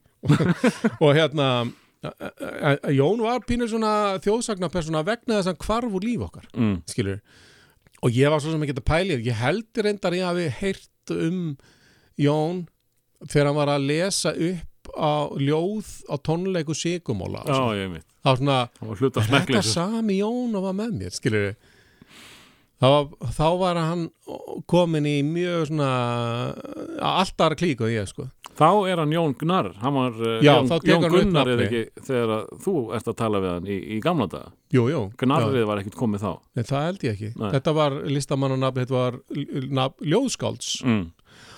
og, og þar tekur það upp og er þá í, svona þessar klíkum með sjón og, og sigumólunum og, og, og hérna og ég þekkti hann ekki þá Nei. En við kynnumst þarna aftur þegar þau vilja fá mig hérna, til að skrifa með. Og út af þessu verkefni okkar helgubröð, hún þekkti mig og við vorum, höfum haldið sambandi. Já, þú Jón- varst að kynna, kynast henni þar fyrst í, í þessu tveggja manna já, sýningu. sem að var beint eftir í útskrifaði sko. Já, þannig að við höfum haldið sambandi og vissun að, að, þú væri nú sniður strákur þó að þetta hefði verið dramatíst verkið það ekki já, Já. og hún vissi að ég var að skrifa leikrit og ég var að skrifa einhver útvarsleikrit, ég var að vinna á auðlýsingastofu og að skrifa texta, Mm. þannig að hún hugsaði ok, hann er góður að skrifa og skemmtir úr strákur, vinu minn fæ hann til að skrifa með mér á móti Jón og Siguruna, því að það var alltaf tveir svona í tími. Og hérna og ég sé með svona leikaborði að ég fer upp á stöðu til að semja um þetta við Pál Baldvin, Baldinsson sem að margir hérna voru hálf hrætti við hann og gat Indistur verið- maður. það gæti verið svolítið svona hross sko í samskiptum. Og ég segi bara, bara já ég held að veri Palli hvort það veri Lóvísa já, ég segi við þau hérna, ég eh, hef áhuga á þessu held að veri skemmtilegt, ég hef margt frá að færa en ég hef ekki einhvern veginn ég, þetta tekur því ekki fyrir mig ef ég leik ekki. Mm. Þannig að ég myndi vilja að fá að leika í þáttunum, ég er ekki að fara fram á eitthvað, eitthvað mikið, að ég vil vera í þáttunum, hann að ég beri meiri ábyrð á því sem ég er að skrifa. Og þetta var mjög, bara ótrúlega góð ákvörðum hjá mér að setja stólinn fyrir dittnar og Palli, einhvern veginn, hann hafði séð mig í leikúsinu og hann hafði trúað mér. Já, þú ert líka eh, útskrifaða leikari eitthvað sem er að Jón og. Sigurðan var ekki Ég hafði verið í spanskflugunni í borgarleikúsinu sem að ég fekk mjög góða dóma fyrir svona sem, sem í grínhlutverki. Þannig að hann vissi alveg ég gæti verið fyndin. Ok, Palli gaf mér sjans og hann sagði bara ok, þú bara kýlar á það þú bara verður, þú leikur þá bara og, og reynda að dröllast til að vera skemmtilegur. Og hérna hann gaf mér sjans og ég honum bara það að þakka. Og eftir það þá var bara þá bara var maður einna tímina sko. ég horfði á fyrstu þættina og hugsaði bara hérna, ok, sérstakt. Já þið fannst þetta ekkert frábært jú, eða þú veist já og nei sko mm. Ég er svona, ég var heldur ekki endilega að spá í því hvort þetta var gott eða slæmt. Ég var bara að hugsa, hvað er þetta? Mm. Ég er hluti af þessu og þegar fyrsta serien fyrir í lofti þá mæti ég frumsýningapartíði vegna þess að ég er að, ég er að vinna með þessu fólki. Já, Uh, en allir bara, hvað, hvað er þetta? Og, þetta, og ég er að vinna á fulli í þáttunum en er ekki, en ekki komin, er ekki, hafa ekki búið að frumsýna mig. mm. Þannig að þetta var mjög sérstæð og, ég, ég fann það samt sko í fyrsta lagi fann ég að þetta var eitthvað nýtt öðru lagi fann ég að þetta var eitthvað bara svona eins og að vera í vinsalli hljómsveit og það var í raun og veru allt tímabilið í fórsbræðurum var daldið eins og að vera fræg og poppari Mm. Það sem við fórum, skiluru, þar voru við aðal. Og þetta var, þetta var mjög, mjög sérstætt. Allir í fósbræðurum og við í þessu tími við vorum með þennan þetta markmið að gera ó, bara bestu þætti efer Mm. og það var, við vorum rosalega metnaða full þannig. Þannig að það var aldrei einhvern veginn, við settum við, við fórum aldrei í tökur á skett sem við höfum ekki trú á. Já, þá bara var ekki séns við bara gerðum bara þessi skets er stórkostlegur og svona ætlum við að gera hann og engan veginn öðruvís þetta var alltaf svona bold sko. Og varst þú alltaf í tími með Helgu? já, svona til að byrja með sko. Já, svo reynda að skrifa ég svolítið meira með Sigurjóni uh, svolítið með Jóni. Mm. það var svona sko ég, við Jón vorum mjög vinnir en vorum ekki kannski ekki drúslega góður að skrifa saman það máttu náttúrulega ekki vera neitt rasíst. Nei, nei, er sko Jón hefur svona spes stíl þegar maður skrifa með hann og Sigur Jón er sérfræðingur á þann stíl. Já, hann, hann, hann er góður að að Jón er að henda hinga á þanga Jón byrjar að lappum með kaffibóllan og sígarettuna í þá daga Já, og byrjar að bulla. Og Sigur Jón já, já, já og svo allt í hennu ok svo byrjaði hann að hamra með tveimu putum klikk, klikk, klikk, klikk, klikk, klikk, klikk, klikk og, og hvað svo og ég er digg, digg, digg, digg, digg, digg og náttúrulega Sigur á mjög góður hugmyndi líka mm. ekki það, en hann er þessi frábæri rítstjóri á Jón Já. sem að gera þeirra te teimi svo stórkvæslegt ég var svona meira, þegar ég var að skrifa með Jóni kifti fyrstu hugmyndina sem var ekki gott skilur við þannig að við vorum mjög fljótlega komnir út í eitthvað rugg sem að Sigurjón sá við skilur hvað við um, að við Helga áttum hann alveg ótrúlega gott samstæð líka í mörg ár. Og það var mjög þetta er svona stór partur af minni lífi það er bara hvernig við eittum tíma saman. Við, við sko fósbrara seríuðnar voru fó, það tók uh, góðan tíma að taka þær upp. Alltaf tvöfalt tíma að, skrifa þær. Já, og við Helga vorum skrifuð miklu hægara en Jón og Sigurjón. Þannig að við sátum alveg bara dögum saman við og vikum saman. Og þá var, þá var þetta einhvern veginn se- sátt, settumst veltum fyrir okkur hugmyndum fórum að tala um lífi, fórum að tala um þjóðfélagið, ákveðna reyfingar í þjóðfélaginu og, og svo einhvern veginn eftir kannski klukkutíma þá, já, við getum gert eitthvað, þú veist, úr því. Já, og þetta var alveg þetta var alveg uh, alvöru vinna, sko. Alvöru þá meina ég bara eins svona professional að þú getur verið, finnst mér. Mm. og við lögðum allt í, við lögðum alveg sál okkar í þetta, sko við öll, já og, og þið hafðu trú á, á verkefninu. Já. Af hverju, af hverju urðu ekki fleiri seríur? Það var nú bara, ég held að þetta hafa nú bara verið búið, þetta var það voru nokkrar ástæður fyrir því. Ég held að fókusin hafi verið svolítið að fara. Mm. mér fannst svona fókusin kannski hjá Helgu og Jóni var pínulítið svona orðin loðin. Mm. við, við Sigurjón vorum ennþá að skrifa þau, þú veist, þau voru þarna en ekki alveg, bara eins og hljómsveitir já, það sem að og síðan gerðu þeir á stöð 2 þau mistök fannst mér að þeir stækkuðu alltaf budgeti þar að segja sko við fengum ákveðin pening fyrir að skrifa þetta allt í með það, við fengum að ráða rosalega miklu, við fengum að ráða tímana sem við skrifum og, og allt, við fengum mjög frjálsar hendur. En fyrst er við mættum, fyrstu seríunar voru teknar af mjög fáum. Mm. þegar ég lappa inn á tökusett í síðustu seríunni þá bara þekki ég alltaf neitt, þú veist, það er bara 20 manns. Og ég bara, hver er þetta? Og hver er þetta? Já, þetta er hérna uh, sonur fórstjórans, hann vill vera með okkur. Og þú veist, þetta Já. var orðið bara einhvern veginn uh, óheilbrikt fannst mér og dýrt. Já, og seríunar þó að þetta væri orðið brand þá veit ég ekki á þessum tíma þá var litið á til dæmis á stöð 2 og litið á fréttirnar sem þess vegna fólk þess vegna fekk fólk sér áskrift út af fréttunum ekki út af þáttunum. Já, þetta snýst við eftir, við, eftir okkur. Og, og á löngu tímabili eftir okkur þá er stöð 2 seld út á stelpurnar, strákana steipustöðuna, steinda og allt þetta, mm -hmm. þetta var aldrei við breyttum þessu já, þannig að við vorum ekki þetta var bara fjárhanslega var þetta ekki alveg það sem þeir veðið á sko.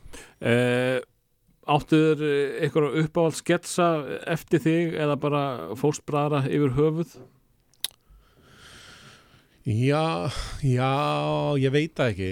Mér finnst bara svona þessi sketsar sem við erum að taka á svona kannski að því að kannski tengist að ég fer í sálfræði setna. Mm. Ég hef mjög gaman af sketsum sem að gefa svona insýn inn í hugarheim fólks og tilfinningar.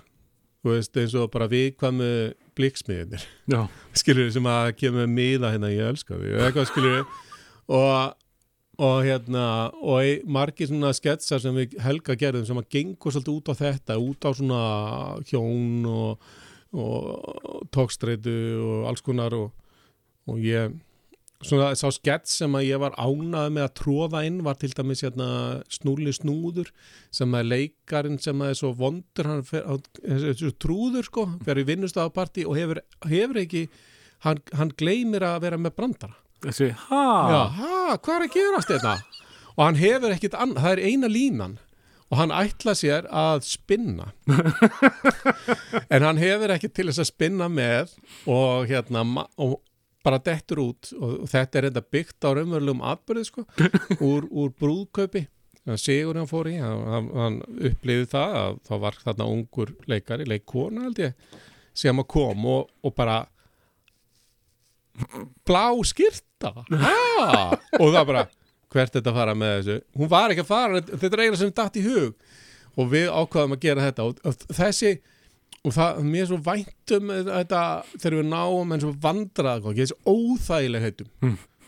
og það er það sem að mér er svona þykir vænstum, það er bara allir þessi sketsa sem voru svona á þetta er, er þetta fyndi, ég veit ekki þetta er bara hræðilegt og ég, það var ekkert mikið þannig grín í sjónvarpi Nei, skilurðu. nei, nei, nei. En, en eftir þetta þá uh, þá ert þú náttúrulega orðin ansi ábyrjandi og mm. þú hættur að skrifa bara auðlýsingar og þú fann að leika mikið í þeim og eitthvað slegis Já, það kom svona svolítið setna en uh, jú, jú, já, við, það var strax sko þegar við vorum vorum í fósbram þá var til dæmis og tal auðlýsingar með strákanum því höfða ég fer á setna og vinn fyrir tal mm. geri gúrúinn og geri eitthvað svona og, og svo fyrir ég að gera kápjabanka auðlýsingar og þú veist þetta er svona vindur upp á sig og þá er, þá er raun og verið að kassa inn á fræðina og, og bara og þá er ég reynda líka sko þá gerði ég þá gröfu bara að skrifa þetta sjálfur. Já, að ég, ég gæti ekki hugsað mér að taka við ykkur vondum bröndurum að ég var bara orðið svolítið svona merkilegu með mig. Já, en er samt að gera aðra hluti í raun og veru í daglega línu þá er ég að skrifa bækur ég er að, að og er í uppistandi og er að þróa mitt uppistand. Var með til dæmis lengi fyrirlestar sem var svona grínfyrirlestar já, svona fórst inn á vinnustöðu já, Hva, Hvað var það? Það var eitthvað svona betri er starfsmæður á ekki? 20 mínútum. Já, alveg rétt. Það var ég að leika raun og veru bara svona Dale Carnegie já.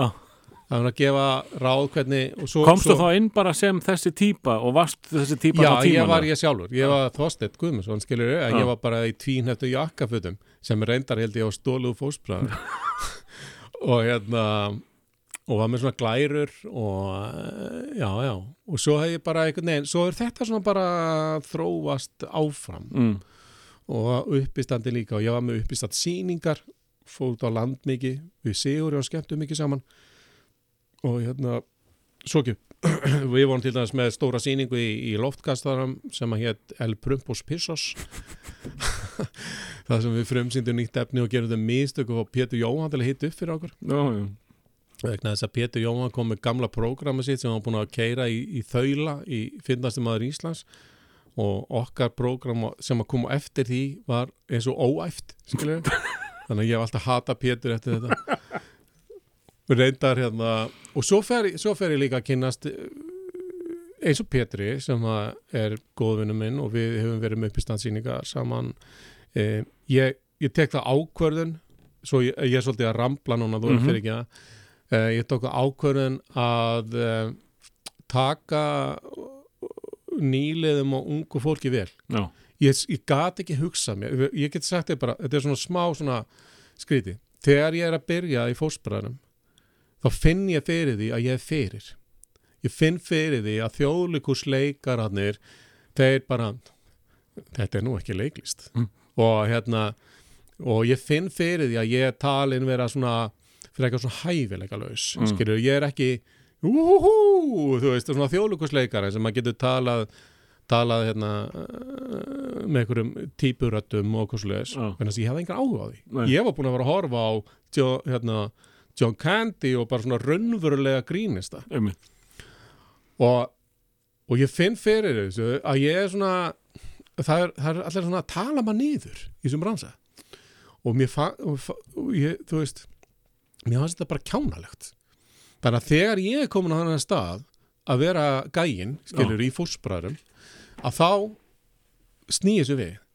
Og ég reyna að, að styðja við þá sem er að koma inn í bransan hef sambandi fólk, ég mæti á fyrsta uppistandi hjá mið Íslandi mm. og segi bara þið, þú veist, þið eru frábærir og, og gaman að hitta ykkur og Þú varst eitthvað með þeim í einhver tíma já, já, já, ég svona svo bara gestarleikmaður. vinskapur upp úr því Já, við ariðum haldið sambandi og við, Pétur og Steindi mm. ég fer inn í Steinda þættina að vera alltaf með eitt lag hverju þætti þú veist, og þetta bara hefur verið ég er svo fegin að hafa tekið þessa stefnu að vera ekki fúl í gæðin að vera frekar bara spila með og hafa bara svona að hérna njóta þess að fljóta með í þessu skilur að þetta er búið að vera mjög skemmtilegt ferðalag sko. og, og kannski sem hluti af þessu þá uh, vastu eða ertu með Mm. einhvers konar grínskóla já, já, það var bara svona það var svona, svona business hugmynd sem ég fekk fyrir nokkrum árum Já.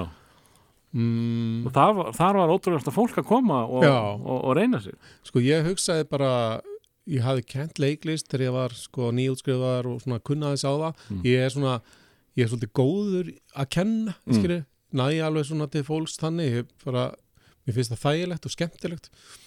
Og ákvaða að bara auglýsa námskeið. Eða ég man ekki eins og jú, ég held ég að auglýst á Facebook bara. Og og fylli það og, ég, og síðan þá hefur bara alltaf verið bygglisti og ég bara hef ekki komist í þetta núna í heilt ár en ég var með, ég hef verið með eitthvað svona 6-7 námskeið þar sem að þar sem ég fer bara í gegnum sagt, hvað er uppistand og hvernig getur þú verið fyndin, hvernig getur þú nýtt þinn húmor, ég er ekki að kenna fólki að vera að fyndi, heldur bara svona að reyna, reyna að draga þetta upp úr fólki. Nær þú, sko, nú hef ég prófað þetta Já, blessað upp í stand og þetta er bara versta tilfinningi heimi til að byrja með í það mista já, en leið og einhver hlátur kemur þá er þetta allt í lagi. Já. En getur þú hjálpað fólkinu fyrstu mínútuna? Hvernig þið sko, þetta er helvít og jörð. Þú meinar eins og, eins og með kvíða áslu mm. sko aðalatrið er að vera ekki eins og snúli snúður aðalatrið eitthvað er að vera með eitthvað. Já, og þú ert með sögu, þú ert með brandara eða hvað sem þú vilt gera um, þú hefur bara það hlutverk að klára það og bara býttu bara með það hvort að fólk hlægir þegar þú kemur strax upp á svið eða hvort að hlæra fyrst að brandaranum. Þú ert að fara, þú hefur verk að vinna mm. og það er miklu heilbriðara heldur en að vera að búast við hlátri eða eitthvað sliðis þannig að það, ég hef, já, ég hef náði einhvern veginn eh, ótrúlega þó ég segi sjálfur frá að plata svona upp úr fólki. Og Er það ekki þitt starf? Að plat, plataðu til þess að Jú, Ég hafa trú sjálfum hvort sér og- ég, var, ég rendi svolítið rendi blind í sjóum með það. En nú er ég bara nú er bara fullt af fólki sem að bara er að býra þessu og er með jafnvel uppistand sýningar út í bæ og er Mm. að fá pening fyrir þetta og, og sem að byrjaði hjá mér og mér finnst það brosalega gaman Já, ekki pappi, pappi stoltur á litlu Svolítið pappi stoltur sko. Já. eh, Sko, þú náttúrulega hefur verið tengdur uh, fleiri skólum en uh, árið fyrir þákað Já. aðeins að bíóinu Þú er nú aðeins Já. staðra við, við, við Já, ég, Bíóið? svona, já, ég hef ekki leikið neitt rosalega mörgum myndum en hérna allan að tvö aðalhlutur ekki ekki uh, Nei, ég er nú bara e, okkar einn Oslo, það er svona myndi mín ég skrifaði hana og líka aðalutur ekki Hvað hva, hva annað sem þú hvað- þér? Hvað heitir, maður eins og ég eða? Já, já, já, já það er mynd sem að hérna sem að, já, það var mjög skemmtilegt reyndar hlutverk Það er þú og Jón eða ekki? Jú, Já, Jú, Jón er reyndar í aðalhutur ekki þar og ég er með svona stuðningshlutverk að Já. ég, ég, þar geri ég bara, gerði ég eins og, eins og hérna, ég hef alltaf reynd að gera bara að prjóna svolítið við og gera svolítið skemmtilegt og þróa þetta áfram og Robert Douglas hérna, leikstjóri, hann gaf mér gaf mér svolítið frjálsar hendur með þetta sem þýði hvað? sem þýðir að það er nánast engin lína sem ég segi myndinni úr handriðinu ég var bara, þú veist að alltaf að steipa, búka til og eitthvað svona he, Robby, má ég ekki bara koma inn og segja það? Ha, jú, prófa það, þú veist þannig að það var gaman sko. Mm. en, En- eins, En, en Osloin, Mhm. uh, það er svona uh, þitt stóra barn. Já það, Það er það, svona- er það. Það er reyndar átt aldrei að vera svona mynd en hún þróaðist einhvern veginn út í þetta og, og það var bara gaman. Og ég, það er svona, svona nokkur atrið í þeirri mynd sem að ég fíla. Eins og að ég fíla um umfjöllunarefnið sem er venjulegt fólk að druslast saman og sundur og fara í sumabústa mm. þú veist, þetta er eitthvað svona ógæslega hverstaslegt það er engin drepin. Veist, það er ekkit eitthvað stórkostlegt sem gerist í þessari mynd nema bara að fólk er að tala saman og, og reyna eitthvað að hylla hvort annað og, og, og eitthvað svo leiðis um, Mér langaði líka að sína meiri einhvern veginn raunveruleika og okkur reynir lingdar leikstjóra heldur en hefur verið. Við höfum oft séð í íslensku myndum það er svona skrítni bóndin og svo er svona ríkikallin í ríkahúsinu og, og þú veist þetta verður svo klísjulegt við vorum, við vorum bara svona í einhver svona millistjættri mm. fórum inn í bara þannig íbúð svona fötin venjuleg en samt höfðu alveg karakter skilur og, og ég veit að fólk kannski tekur ekki eftir því en þessi þessi feeling og þessi hverstasleiki hann er ekkert allt of algengur Nei, einmitt. Þannig að það, ég er ánægð með það. Um, ég hefði viljað sko ég hefði viljað hafa pínu einhvern veginn frjálsari hendur með handrit. Ég fannst erfitt að skrifa það sko uppalega skrifið við Sigurjón fyrsta draft af þessu.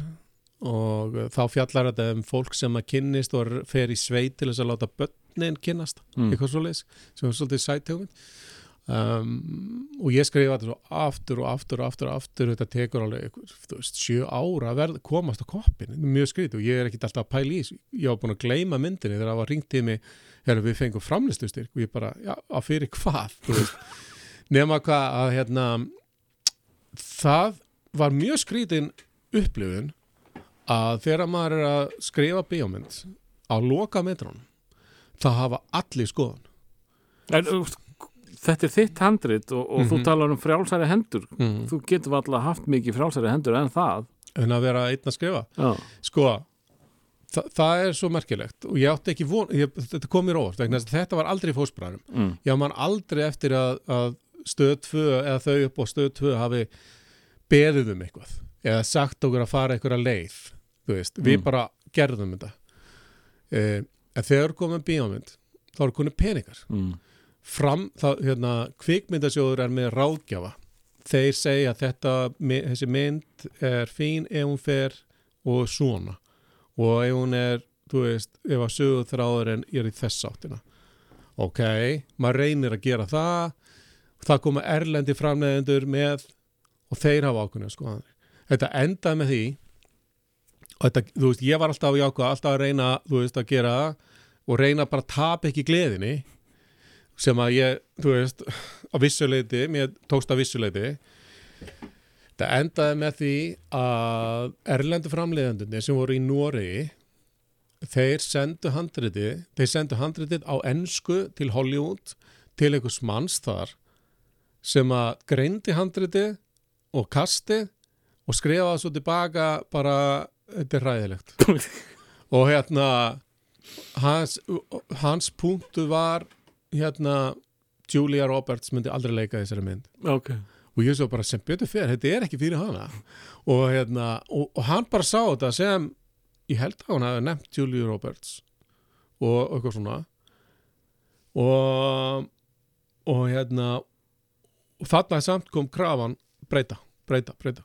Og hérna, Þetta finnst mér alveg stór merkileg þetta er mjög merkilegt og ég var bara svo heppin að vera með góðan leikstjóra með mig sem var bara hæð trú. Hann sagði bara Steini, þú gerir og þú fílar og, og hérna reynir er svona hann er svona dásanlega maður. Mm. og svo voru framleiðendunir hérna Íslandi hérna, um, hérna sem að stóðu líka með mér og enda með því að þær sögðu bara höfum ekki ágjör að þessu. Ef að Noregur, framleiðendunir Noregi vilja standa við þetta þá bara hætta þér, þá bara finnum við einhvern annan og ég bara, sitt, þá getum við ekki gert myndina. En já, við bara tökum sensin og enda með því að þessi maður hann í Hollywood fekk bara fingurinn sko. Og, og við bara kýlum á myndina eins og hún er. En þetta, þetta var mjög sérstakur fyrill Já. Og Mér finnst líka svo merkilegt sko þar sem að þú ert uh, handrits höfundur mm, en uh, talar um að það hefur verið sko, þú er ekki fengið að gera svo um vildir. Jó, ég hvað var það? Ég var að færa Fekk það, já og nei. Aðalega var þetta bara pressa. Þetta var bara svona, Já, en, en, en handritið er tilbúið Já. en, en þú þarft að breyta fyrir þessa handrið var aldrei eða handriðið bíómynd er tilbúið bara þegar það er komið inn í tölvuna. Mm. og það er bara þannig. Það er bara endalist verið að skrifa ég man eftir bara eins og við vorum komin vorum komin inn í tökur þegar ég er kallaður á fund ok, við höfum ekki efna á að fara í bæinn aftur, myndin þarf að enda í sumabústof Já, Skilur, það er bara hannig Já, já, og þetta er bara, þetta er bara spurningum tökudaga, peninga, krú þú veist og þurftur að þá að skrifa nýjan endi eða bara Já. annan stað fyrir sama endi? Ég skrifaði marga enda á þessa mynd. Eitt sem að gerist upp á fjalli það sem að fara, hann bara fríkar út og fer og þau bara hittast eitthvað stöður upp á fjalli. Nei, það er svolítið erfitt að taka upp fjallisteinu þú veist það ekki. Og hérna og lengi vel endaði myndin á því að þau hætta saman í sveitinni. Og þau kynnast ári setna í háskólanum. Eitthvað svo leiðis mm. hittast þar og, og lengi val var endinni þannig að þau hittast upp í háskóla og byrja einhvern veginn aftur. Það bara kviknar allt og þau fara inn í einhverja geimslu og svo fara þau að þú veist, Mm ríða. Og þá er þetta þá er þetta sagt það er þetta mjög fyndin endi sem ég sé alltaf eftir, þá var þetta svona ramagsgeimsla eða með ramagstöflum þannig að sko þannig að sko um leið og við vorum að fylgjast með þeim að gera það í, í, í herbygginu þá vorum við alltaf að sjá ramagni fara einhverjum fyrirlestra og, og einhverja tölfur að blikka einhverjum nefndur what's wrong with my computer? Eitthvað svona. Og þá var það því að þau voru "Ah", þá var þetta að slá út rafmagninu? Þú veist þetta, já. Hugulur ég endi sp- sé pílindi eftir heimendi. Já. en svona er þetta. En hérna, sko hvort kemur fyrst eh, þessi skóli sem að þú varst að vinna með eða, eða sálfræðin? Eh, Ertu að meina bataskólinn, það sé ég er að vinna núna? Eh, Sálfræðin kom fyrst. Ég, fyrir fjórum árum þá, Hvaðan þá kemur hún? Sálfræðin, Já, kemur úr eiginlega bara svona ákveðinu svona leiða hjá mér ég, veginn, ég finnst ég vera að syngja alltaf samanlagi og eins og heyrir þú hlustar á æfisjóðu mína eins og þú er búin að gera í Mhm. dag og þá hef ég alltaf verið með svona ímislegt í gangi þarna var einhvern veginn ég, þú veist, ég fikk sjúkdóm ég þurfti að fara í aðgerð, ég fikk krabba minn Jaha. og þurfti að fara í aðgerð hann um sumarið uh, fyrir fjórum mánu síðan uh, og ég er á hann leiður uh, peningavandaræði og, og leiðindi og ég einhvern veginn stóð upp með það um hausti að jafna mig eftir aðgerð með svona sem var alvarleg sko og um, og eina sem að var framundan var að búa til nýtt uppistansprógram fyrir veturinn sem ég var búin að gera í ár Já. og ég bara uh, er þetta eina sem ég get gert er þetta eina sem hann langar að gera. Og hérna og ég segi við konuna minna sem að hún Elisabeth fór seint í lögfræði og, og er núna lögfræði og hún var hárgæslu kona þegar við kynntast og hún er svona ákveð fyrirmyndi í þessu. Og ég sagði henni, "Heyrðu, ég held að bara ég nenni ekki að gera það sama. Og ég veit að, að hérna það verður blöng og svona og, það veri, og ég ætla að geta hætt í uppistandi en ég er sem að fara í háskólan og ég er sem að fara í sálfræði og hún bara, já, bara go for it og það var mjög sérstætt, ég mæti erum við nokkað að renna út af tíma? Nei. ég mæti upp í háskóla og ég veit ekkert hvað ég er að fara í. Ég veit um Freud og ég veit um eitthvað það er búin að sjá einhver víti á YouTube og með einhver svona ABBA og svona. Og ég veit ekki alveg hvað þetta er og ég mæti upp í háskóla e, og ég á vonaði þetta að vera svona 20 manna bekkur skilur svo að ég var alltaf í 20 manna bekk. Og þetta eru, þetta eru 260 manna bekkur. Ok. og fyrirlestrasalur upp í stakkalíð þar sem að kennarinn var bara með bara, bara með mikrofón fremst og, og allir með tölfur og allt sætasta og fallegasta fólki úr MR og Vestló, allt gáa liði skilur sem var að fara í sálfræðina. Og ég hann bara með, þú veist bara hérna pissu innlegg í nærbúksunum að því að ég nýkomin úr aðgerð. Þú veist, bara gamall fokkin kall skilur að villast. Og ég hugsaði bara, ef þið horfa á mig þá ætlum ég að þykjast vera rafvirki og hérna ofsalega skríti sendi konunum minni SMS segi bara, beta mín hérna e, ég veit ekki, ég veit ekki hvað ég er að gera hérna. Og hún sendi bara, bara prófa að sita brú tíman og ok, ég hef ekkert annað að gera. Varstu, varstu actually að pæla í því að segja þetta bara fínt? Já, já, já, Þessi ágæta já. heimsókn var bara já, já, og ég, held, ég, ég pældi því alveg nokkra vikur. Já. en gaf þessu séðans og síðan kemur inn í þetta ég hef ekki seg, sagt neina svona frá þessu svona á þennan hátt vegna þess að ég þól ekki svona viðtölu það sem að fólk er að setja sig eitthvað svona búa okkar hetjusögu til. En þetta er ekki þannig. Síðan kemur inn í þetta að námið er mjög áhugavert en ógeðslega erfitt. Já. og á fyrsta árunu fyrstu önninni þá er fallið í sálfræðinni er sko í 60-70% já ok. Það er, nú min- minni mig. Mm. já, það er það. Og ég þurfti að læra tölfræði og ég þurfti að læra uh, almenna sálfræði krossapróf, pressa. Þú veist, á fyrstu önninni held ég að ég fari átján krossapróf þú veist þá er ég að meina tvekja tíma próf. Mm. og uh, ég hef ekki tíma til að hugsa um mínu vandræði eða sjúkdóm eða leiðindi. Ég bara er að einbytta mér að þessu og ég bara sökk við mér óni í þetta. Og hérna verður bara svona algjör bara að ég veit ekki bara gefur mér alveg ógæslega mikið. Og þetta verður svona nýtt líf fyrir mér, bara vá, þetta er hægt og ég get þetta og ég, ég fekk bara ágætis einhverju, bara og, og þeir, þér leið vel í þessu? áfram. Já, leið vel í þessu. Um, svo annar rauninni þá tók nýtt erfitt við vegna þess að sko þá minkaði bekkurinn brr, alveg bara mjög mikið Mm. í, ég veit ekki hvað 80-90 manns. Þá þarf ég að fara að vinna hópverkefni með fólki og ég bara, hei, byrð hvað ég að gera hérna, gæði nú fórspæðan var að vinna með einhverju tvítugu fólki. Mjög vandræðilegt, þá vildi mér til haps að, að, stelpa þarna sem hafi verið uppistansnámskeiði hjá mér sem heiti Karen.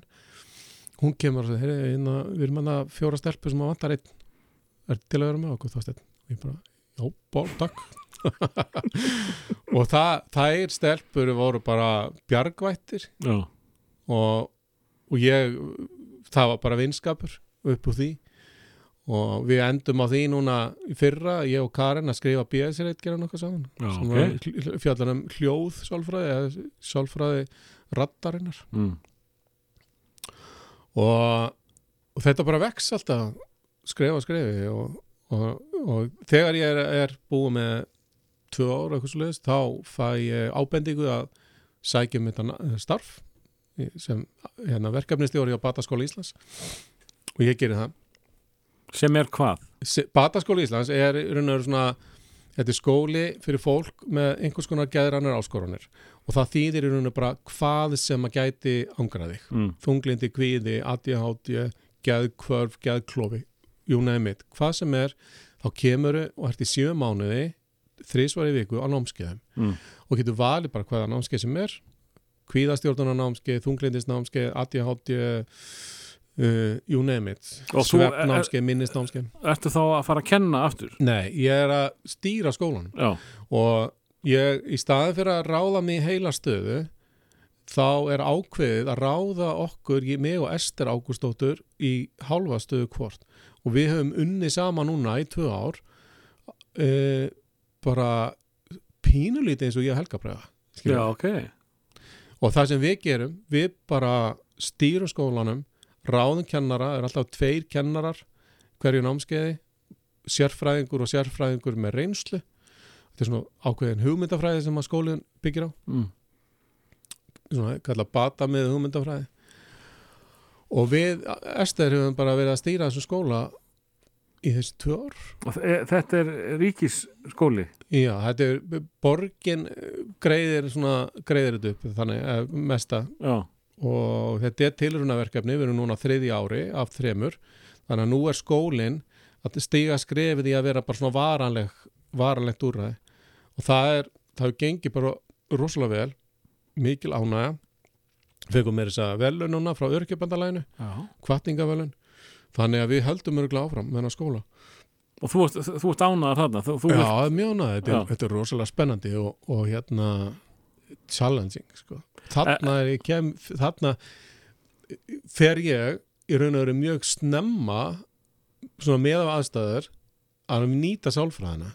Já, og ekki beinleins að kenna heldur bara að díla við fólk og vera velja námskeið velja kennara, vera í samskiptum við sálfræðinga, gæðlagna og, og svo þessa hérna nefnendur og kynnast þarna dásalega nefndahópi en, en sko þetta er svo rosalegt stökk. Mm -hmm. þú lifir á leiklist og þá aðalega gríni. Jöp. ákveður að fara í sálfræði. Já, Uh, ég held að ég hafi tekið netta, netta flissu þegar ég heyrði það að þú var í sálfræði. Er það ekki bara? uh, og mér finnst það bara uh, frekar eðlilegt, ég skammast mér ekkert mikið fyrir það. Nei. en komin bara strax í stöðu Já, sem að þú eh, bara sáttur í. Já, það sem að ég veit að ég var ráðinn í þessa stöðu uh, vegna þess að ég náttúrulega var í háskólanum að læra sálfræði mm. en líka vegna þess að ég vissi hvernig á að kynna svona dæmi. Já, og vegna þess að ég hef unnið á auðlýsingastofu ég hef hérna, unnið öll reynslan já, reynslan.